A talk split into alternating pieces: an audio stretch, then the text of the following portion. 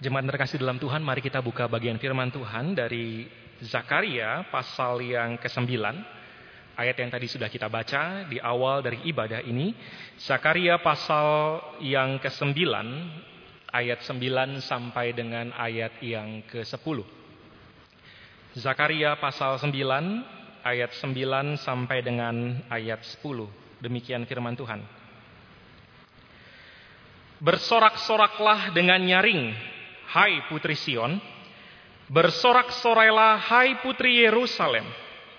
Lihat, rajamu datang kepadamu. Ia adil dan jaya. Ia lemah lembut dan mengendarai seekor keledai. Seekor keledai beban yang mudah. Ia akan melenyapkan kereta-kereta dari Efraim dan kuda-kuda dari Yerusalem. Busur perang akan dilenyapkan dan ia akan memberitakan damai kepada bangsa-bangsa. Wilayah kekuasaannya akan terbentang dari laut sampai ke laut dan dari sungai Efrat sampai ke ujung-ujung bumi. Demikian jauh bacaan firman Tuhan.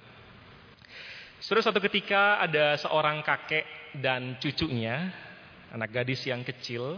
Saudara-saudara, kakek ini senang berkebun maka hari itu dia mengajak cucunya untuk pergi ke sebuah toko yang menjual alat-alat perkebunan, menjual benih, menjual pohon, tanaman, saudara. Saudara kakek ini mau membeli beberapa barang dari toko tersebut. Dia mengajak cucunya, anak gadis yang kecil itu untuk kemudian pergi ke sana. Saudara ketika si kakek sudah membeli beberapa barang yang dia butuhkan, maka kemudian dia hendak pulang bersama dengan cucu kecilnya ini, saudara. Tapi ketika mereka melewati sebuah rak yang berisi display pot begitu ya, yang menampilkan ada ada beberapa pot dengan beragam bunga, beragam warna di sana, Surah si cucu kemudian berhenti dan melihat beberapa pot di situ. Selalu kemudian sang kakek tahu bahwa cucunya kepengen beli bunga karena memang tanaman yang ditampilkan adalah tanaman yang berbunga dan cantik-cantik, beragam warnanya. Lalu kemudian kakeknya berkata kepada si cucu itu, oke okay, silahkan pilih, mana yang mau kamu beli. So dengan segera cucu ini memilih beberapa pohon, beberapa tanaman di pot saudara-saudara yang bunganya cantik-cantik. Warna merah, warna ungu, warna biru. Dan kemudian ketika kakek melihat harga tanaman bunga itu memang tidak murah. Tapi karena cintanya yang besar kepada si cucu tetap dibeliin saudara. Maka kemudian cucunya senang sekali ada tanaman bunga yang dia senang, yang dia lihat beragam warnanya, yang cantik-cantik bunganya. Maka kemudian mereka pulang, sampai di rumah, si cucu begitu lelah, lalu kemudian dia tertidur di kamarnya. Si kakek melihat tanaman bunga itu, lalu kemudian dia berpikir bahwa harus ditanam di taman supaya tetap bisa hidup menampilkan keindahan daripada bunga itu. Maka dia segera mencangkul tanah, mencampur tanah itu dengan kompos, lalu kemudian mengambil tanaman bunga yang dibeli, menaruhnya di dalam taman itu, menyiramnya dan setelah itu selesai, saudara. Dia puas, dia senang karena bunga yang dicintai cucunya ini sudah ada di taman dan akan hidup. Lalu dia mandi, saudara. Selesai mandi, dia mau pergi ke teras, mau menikmati bunga yang baru dibeli. Tapi betapa terkejutnya dia ketika sampai ke teras melihat tamannya, saudara bunga itu sudah hilang. Tanah yang dia cangkul tadi yang berisi bunga itu, tanaman-tanaman yang baru dibeli yang tidak murah harganya, sudah hilang saudara. Wah, dia terkejut siapa yang tega mengambil bunga itu. Dia terkejut sekali dan dia berpikir, aduh mesti bilang apa ke cucunya. Tapi kemudian dia lebih terkejut lagi ketika dia menemukan ada jejak-jejak tanah menuju ke belakang daripada rumah mereka. Saudara ikuti jejak tanah itu dan dia menemukan saudara di situ ada sebuah wastafel dan dia menemukan cucunya lagi mencuci bunga itu saudara. Rupanya yang mencabut bunga itu adalah si cucu itu sendiri, si cucu gadis kecil itu. Dia cabut bunganya, dia bersihkan akarnya dari tanah, kemudian digunting akar yang yang kotor yang ada tanahnya itu di depan mata kakeknya saudara-saudara. Saudara kakeknya tentu kaget. Benar-benar nggak nyangka saudara. Lalu kakeknya bilang, kamu ngapain? Itu kenapa digunting akarnya? Kenapa tanahnya dia? Aduh kenapa kamu bikin begitu? Wah kakeknya nggak nggak habis pikir saudara.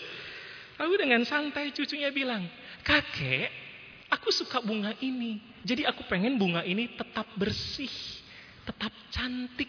Kenapa kakek taruh di tanah lagi? Dia jadi kotor.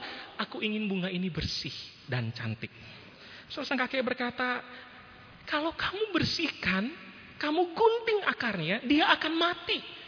Lalu cucunya dengan santai bilang, nggak apa-apa kakek, yang penting dia bersih, aku senang.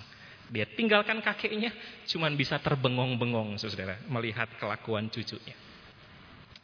Saudara, ketika saya baca kisah ini, saudara kisah ini menggambarkan konflik antara ego seorang anak kecil yang tidak tahu banyak, yang tidak mengerti banyak, konflik antara ego seorang anak kecil dengan hikmat seorang dewasa. Ego sang cucu yang ditunjukkan dengan kepengennya dia pegang bunga yang bersih sehingga dia cabut bunga itu dari tanah biar tetap bersih tanpa peduli konsekuensi jangka panjangnya.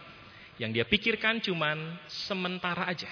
Cuman saat itu aja bunga itu bersih, yang cantik itu tetap bersih dan dia senang.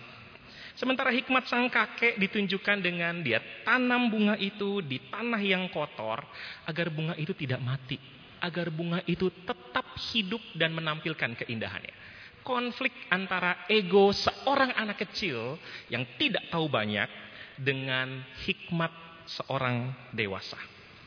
Seorang konflik ini adalah konflik yang sering terjadi bukan saja antara anak kecil dengan orang dewasa, tapi juga antara kita sebagai ciptaan dengan ego kita, dengan keterbatasan pemikiran kita. Kita banyak kali menentang hikmat Allah yang berkuasa. So dalam Alkitab salah satu gambaran dari konflik ini dinyatakan di Minggu Palem. Hari ketika Yesus masuk ke Yerusalem. Saudara ketika Yesus masuk ke Yerusalem, ada orang banyak yang berkumpul dan meneriakan pujian dan kata-kata yang indah. Mereka hadir di sana, berteriak hosana, hosana, terpujilah dia yang datang dalam nama Tuhan. Dan berbagai teriakan-teriakan yang mungkin keluar, yang mungkin muncul sebagai bentuk pujian, pengaguman, pengagungan, kekaguman kepada Yesus yang mereka sudah lihat, mereka sudah kenal, mereka sudah tahu, bertahun-tahun ada bersama dengan mereka, melakukan banyak perkara yang ajaib dan mungkin mereka memuji Yesus yang demikian. Tetapi saudara, kehadiran mereka adalah kehadiran bukan karena pengenalan yang utuh tentang siapa Yesus. Bahkan murid-murid pun tidak mengenal Yesus dengan begitu dalam sampai Yesus bangkit dari kematian dan membuka mata mereka mengenal siapa dia, siapa Yesus yang sesungguhnya. Tapi kehadiran orang banyak pada waktu itu juga didorong saudara oleh ego yang besar. Ada sebuah pengharapan, ada sebuah kemauan agar Yesus yang mereka kenal sebagai pembuat mujizat ini dapat melakukan sebuah karya yang besar yang mereka harapkan. Mereka mengharapkan bahwa Yesus ini akan menjadi juru selamat secara politik. Yang melepaskan mereka, membebaskan mereka dari penjajahan Roma, yang membangun Israel menjadi sebuah kerajaan yang berjaya seperti zaman Daud, seperti zaman Salomo, yang berjaya secara ekonomi, berjaya secara militer, memiliki sebuah kekuatan yang ditakuti, memiliki sebuah pengaruh politik yang luar biasa di daerah itu. Surah ego yang besar juga muncul ketika mereka datang dan berharap secara sosial, secara keagamaan, mereka kembali dikenal sebagai umat pilihan Allah, bangsa pilihan Allah, sebagai satu kumpulan orang yang terbaik, bangsa terbaik dari segala bangsa, bangsa terbaik yang dicintai oleh Allah semesta langit dan bumi. Ada satu ego, ada satu kerinduan, pengharapan agar identitas mereka juga dimunculkan lagi sebagai umat pilihan Allah. Tapi masalahnya saudara bukan itu yang menjadi kehendak Allah. Bukan itu yang menjadi rancangan Allah ketika Allah mengutus Yesus ke dalam dunia. Itu sebabnya saudara ketika Yesus masuk ke dalam Yerusalem dia tidak menunggangi seekor kuda. Saudara zaman dulu ketika ada orang menunggangi seekor kuda, apalagi ada seorang pemimpin dari sebuah komunitas, maka itu menunjukkan sebuah identitas militer yang sangat kuat. Menunjukkan keagungan, kejayaan seorang pemimpin pasukan. Tapi Yesus tidak memilih masuk ke dalam kota Yerusalem dengan cara yang demikian. Saudara Yesus sengaja memilih untuk masuk ke dalam kota Yerusalem dengan menunggangi seekor keledai beban yang muda. Saudara dan gambaran itu menunjukkan bahwa kerajaan Allah yang dibangun oleh Yesus, raja yang mulia ini bukanlah kerajaan yang didasari di atas kekuatan militer, di atas kekuatan politik, di atas kekuatan daripada manusia, bukan. Tapi Yesus sedang membangun sebuah kerajaan di atas dasar kedamaian, kelemah lembutan, kerendahan. Sebuah prinsip yang terbalik dengan apa yang dunia ini ajarkan. Dan itulah saudara yang Yesus lakukan. Dan ketika Yesus masuk ke dalam kota Yerusalem itu, sesungguhnya Yesus sedang menggenapi nubuatan dari Nabi Zakaria yang tadi kita baca. So, nubuat Zakaria yang kita baca tadi dituliskan pada waktu Israel baru pulang dari pembuangan di Babel. Ketika mereka sudah pulang ke tanah perjanjian lagi, mereka sedang berjuang membangun bait Allah, mereka sedang berjuang membangun kota Yerusalem. Tapi dalam perjuangan itu ada orang-orang yang sangat benci kepada Israel, yang tidak mau Israel kembali berjaya, yang tidak mau Israel kembali menjadi sebuah kerajaan yang agung. So, maka orang-orang yang membenci Israel itu, orang-orang yang punya kepentingan agar Israel tidak kembali berjaya, mereka menghambat pembangunan bait Allah. Mereka juga menghambat pembangunan kota Yerusalem dan tembok-temboknya. Supaya akhirnya tempat itu tidak lagi menjadi tempat yang agung, tempat yang mulia, tapi tetap menjadi reruntuhan. Mereka juga tertekan, saudara orang Israel juga tertekan bukan saja dari orang-orang yang membenci mereka, tapi orang Israel di zaman Nabi Zakaria juga tertekan karena kerajaan Persia yang menjajah mereka, yang menguasai mereka pada waktu itu, sedang membangun kekuatan untuk berperang melawan Mesir. Dan akhirnya karena mereka sedang membangun tentara, membutuhkan biaya besar, maka kerajaan Persia meminta Israel membayar pajak yang sangat tinggi dan itu membuat orang-orang Israel pada waktu sangat-sangat menderita. So, maka di tengah tekanan tersebut, Allah mengutus Nabi Zakaria untuk kemudian memberitakan kabar baik kepada Israel. Bahwa Allah mendengar keluh kesah mereka, Allah memperhatikan penderitaan mereka, dan Allah akan menolong mereka. Dan salah satu bagian di mana Allah menyatakan pertolongan daripada Allah kepada Israel adalah ayat yang tadi kita baca. Sebuah janji tentang kedatangan seorang raja, seorang Mesias, seorang penyelamat yang akan menolong Israel di tengah-tengah segala kondisi mereka yang sangat sulit itu. Selalu kemudian Zakaria menceritakan siapa raja ini. Zakaria berkata bahwa raja ini adalah raja yang adil, raja yang hidup dalam kebenaran, raja yang tidak berdosa, raja yang tidak curang dalam memerintah. Seorang raja yang perkataannya, perbuatannya, pemikirannya, keputusannya akan menjadi standar kebenaran kehidupan daripada orang-orang yang dia pimpin. Dia juga adalah seorang raja yang jaya, raja yang perkasa, raja yang sanggup menyelamatkan umatnya, yang tidak akan membiarkan umatnya di dalam penderitaan berlama-lama. Tapi dia adalah Tuhan, dia adalah raja, penguasa yang memiliki kekuatan menyelamatkan umatnya. Tetapi dia bukan cuma sekedar raja yang adil, yang benar, bukan cuma sekedar raja yang perkasa, yang mulia, yang berkuasa, tapi dia juga adalah raja yang lemah lembut. Raja yang tidak kasar dalam memerintah. Raja yang tidak merendahkan umat yang dia pimpin. Dia juga adalah raja yang mengerti kelemahan kita. Selain itu saudara dikatakan bahwa raja ini datang dan mengendarai keledai. Sebuah gambaran bahwa dia tidak akan menunjukkan kekuatan militer di tengah-tengah kepemimpinannya.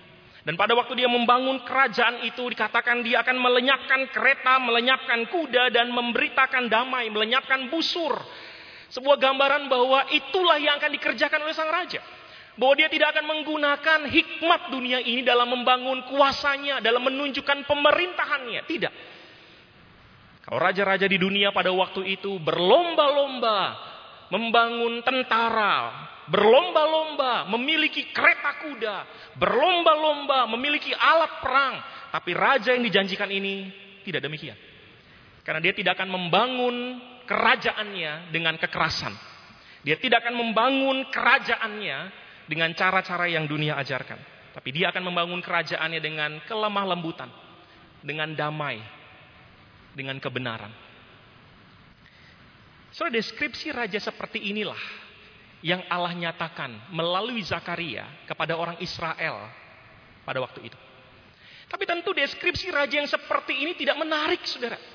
Karena Israel pada waktu zaman Nabi Zakaria tertekan oleh Persia. Tertekan oleh musuh-musuh yang membenci Israel. Maka tentu secara manusia yang diharapkan adalah seorang raja yang akan berperang. Raja yang menghancurkan musuh. Raja yang akan melumat semua kekuatan yang menghalangi Israel untuk bangkit. Sehingga gambaran raja yang benar, raja yang lemah lembut, raja yang damai, raja yang akan membangun kuasanya, pemerintahannya dengan kekuatan spiritual, kekuatan rohani, tidak menarik buat Israel di zaman Nabi Zakaria. Dan gambaran Yesus yang seperti inilah yang dinubuatkan oleh Nabi Zakaria. 500 tahun kemudian, Nubuat ini digenapi oleh Yesus dan Yesus datang dengan cara yang sama. Tetapi sekali lagi saudara, Israel di masa Nabi Zakaria adalah Israel yang sama juga di zaman Yesus. Orangnya berbeda, situasi berbeda, tetapi pengharapan Mesias yang politis, pengharapan Raja Israel yang penuh dengan kekuatan militer tetap sama. Berbeda zaman 500 tahun tapi mereka tetap masih haus akan kebanggaan dunia. Haus akan kebanggaan militer. Haus akan kemenangan secara ekonomi. Setelah di waktu itu Yesus datang seperti nubuat Nabi Zakaria. Sehingga tidak heran saudara. Pada waktu orang-orang datang dan melihat Yesus yang masuk dengan keledai. Dan mereka bersorak-sorak memuji Hosana, Hosana, Hosana. Mungkin mereka memuji juga dengan sebuah gambaran, kok aneh ya? Kenapa harus datang dengan keledai? Bukankah dia orang yang bisa membangkitkan orang mati? Bukankah dia adalah orang yang bisa memberi makan 5.000 orang? Bukankah dia, Yesus ini adalah orang yang bisa menyembuhkan segala penyakit? Kenapa dia tidak datang dengan kekuatan militer yang luar biasa? Kenapa harus datang dengan keledai? So, saya bayangkan saudara-saudara mungkin sekali orang-orang yang punya pengharapan Yesus yang Mesias, yang politis itu, yang militer itu berteriak hosana, ikut serta dengan orang banyak yang berteriak hosana dengan kebingungan, gak ngerti, cuman asal berteriak, cuman asal berseru, cuman asal bersorak. Sehingga tidak heran bukan? Di hari itu mereka berteriak hosana, hosana. Tapi di hari Jumat mereka berteriak, salibkan dia, salibkan dia. Mengapa? Karena kehadiran mereka waktu berteriak hosana, terpujilah, bukanlah sebuah teriakan karena mengenal, mengerti inilah raja yang dijanjikan Allah. Di dalam hikmat Allah yang tidak bisa dimengerti. Inilah raja. Orang Israel zaman itu nggak bisa tahu, saudara. Mereka datang dengan ego mereka mereka datang demi Yesus memuaskan ego mereka. Sehingga ketika Yesus tidak bisa memuaskan apa yang mereka harapkan, mereka berbalik dan berseru, salibkan Yesus, salibkan Yesus. So, ketika kita belajar akan dua zaman ini, zaman di Nabi Zakaria, zaman pada waktu Yesus masuk ke kota Yerusalem menggenapi nubuatan Nabi Zakaria. So, saya rasa kita bisa melihat bahwa mereka sedang dalam tekanan. Di waktu Nabi Zakaria mereka tertekan oleh raja pers kerajaan Persia, oleh orang-orang yang membenci mereka, oleh masalah-masalah yang muncul di waktu itu. Di zaman Yesus mereka tertekan oleh kerajaan Roma, tertekan oleh segala situasi politik yang membuat mereka tidak bisa benar-benar sungguh-sungguh hidup sebagai umat Allah. So, saya rasa di zaman ini pun ada tekanan yang sama yang sedang kita hadapi. Pandemi, yang tidak berkesudahan. Atau masalah ekonomi yang mengikuti karena pandemi ini. Atau berbagai isu, berbagai masalah yang mungkin muncul. Pribadi lepas pribadi, keluarga lepas keluarga, perusahaan lepas perusahaan. Saya bayangkan, kalau kita ada di sana, di zaman Yesus masuk ke kota Yerusalem, So, mungkin sekali kita menjadi salah satu orang yang di tengah kerumunan itu dengan segala tekanan yang menghimpit kita, kita mungkin akan sama-sama berteriak hosana hosana. Dan mungkin sekali ketika tekanan yang kita harapkan ini dilepaskan oleh Yesus yang masuk ke dalam kota Yerusalem ini, tapi tekanan itu tidak dilepaskan. Kita tetap tertekan, kita tetap menderita, mungkin sekali. Kita juga akan berteriak, salibkan dia. Salibkan dia. Tapi puji Tuhan, anugerah Allah tidak menempatkan kita untuk hidup di zaman itu. Puji Tuhan saudara Allah mengizinkan kita untuk hidup di zaman sekarang. Sekalipun memang betul ada tekanan yang sedang kita hadapi bersama-sama. Tapi karena kita hidup di zaman sekarang, kita sudah bisa melihat rencana Allah yang sempurna di dalam Kristus Yesus. Karena kita hidup di zaman sekarang, kita sudah bisa tahu Yesus yang masuk ke kota Yerusalem mengendarai keledai itu adalah Yesus yang mengasihi dan mengorbankan nyawanya buat saudara dan saya. Puji Tuhan karena kita sudah bisa melihat penggenapan kasih Allah di dalam diri Kristus. Dan kita sudah bisa melihat bahwa dia betul-betul raja yang mencintai kita, umatnya. Orang Israel di zaman Nabi Zakaria nggak ngerti kebenaran ini. Orang Israel di zaman Yesus nggak ngerti kebenaran ini. Tapi bersyukur kepada Tuhan, engkau dan saya hidup di tengah zaman ini dan kita dibukakan melihat kebenaran ini. Masalahnya adalah ketika kita sudah melihat kebenaran ini bahwa Yesus adalah raja yang agung, yang mulia, yang lemah lembut, membawa damai buat engkau dan saya. Pertanyaannya adalah apakah kita betul menyambut dia sebagai seorang raja?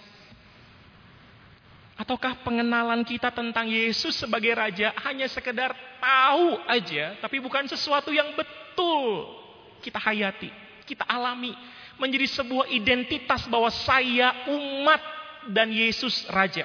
Saya rakyat jelata dan Yesus raja. Mari kita sama-sama coba melihat akan kehidupan kita. Jika Yesus adalah raja kita, mengapa kita tidak tunduk di bawah peraturannya? Mengapa kita membuat prinsip hidup dalam diri kita pribadi, dalam keluarga kita, dalam pekerjaan kita, dalam bisnis kita, dalam kita sekolah, dalam kita berkeluarga, prinsip-prinsip yang justru bertentangan dengan apa yang Yesus mau? Jika betul Yesus adalah raja kita, mengapa kita tidak percaya bahwa dia adalah sumber pertolongan kita? Dia raja yang penuh kuasa, dia juga raja yang lemah lembut, mengerti penderitaan dan segala kelemahan kita. Mengapa kita tidak mengandalkan dia? Mengapa kita masih mengandalkan manusia? Mengapa kita masih mengandalkan harta benda? Mengapa kita masih mengandalkan apa yang dunia ini tawarkan untuk menyelesaikan tekanan yang kita alami, masalah hidup yang kita alami? Bukankah kita punya raja yang sanggup menolong? Jika betul Yesus adalah raja kita, mengapa kita tidak setia, tidak loyal, tidak betul-betul tunduk kepada Dia? Mengapa kita masih bersekutu dengan dosa? Mengapa kita masih bersekutu dengan setan? Mengapa kita masih bersekutu dengan kenikmatan, kedagingan, dan segala yang dunia ini tawarkan? Jikalau betul Yesus adalah raja kita, Mengapa kita tidak setia hanya kepada dia? Mengapa kita masih berzinah dengan berhala-berhala yang menjijikan di hadapan Tuhan? Di hadapan Yesus Raja kita.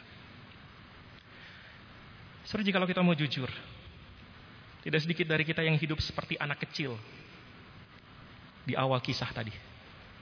Tidak peduli hikmat Allah, tidak peduli kebenaran yang dinyatakan. Kita hanya mementingkan kesementaraan, keindahan bunga tanpa pikir panjang. Apa konsekuensi? Ego kita begitu besar. Kita tahu Yesus adalah raja, tapi kita menolak dia untuk memerintah atas hidup kita. Adakah hidup kita seperti itu, Saudara? Zakaria berkata, "Rajamu sudah datang." Rajamu sudah datang. Dan kita tahu Yesus sudah datang. Pertanyaannya adalah maukah kita betul-betul menyambut dia? Bukan cuma ngerti, tahu di otak aja bahwa dia adalah raja. Tapi betul-betul ada loyalitas, ada kesetiaan, ada penundukan di bawah kerajaan Yesus. Rajamu sudah datang. Maukah engkau sungguh tunduk kepada otoritasnya? Rajamu sudah datang. Maukah engkau tunduk di bawah peraturan dan kebenarannya? Rajamu sudah datang.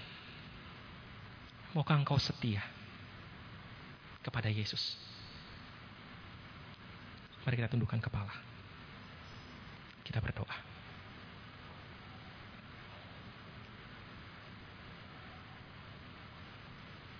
Saudara hari ini engkau yang paling mengerti kehidupanmu masing-masing.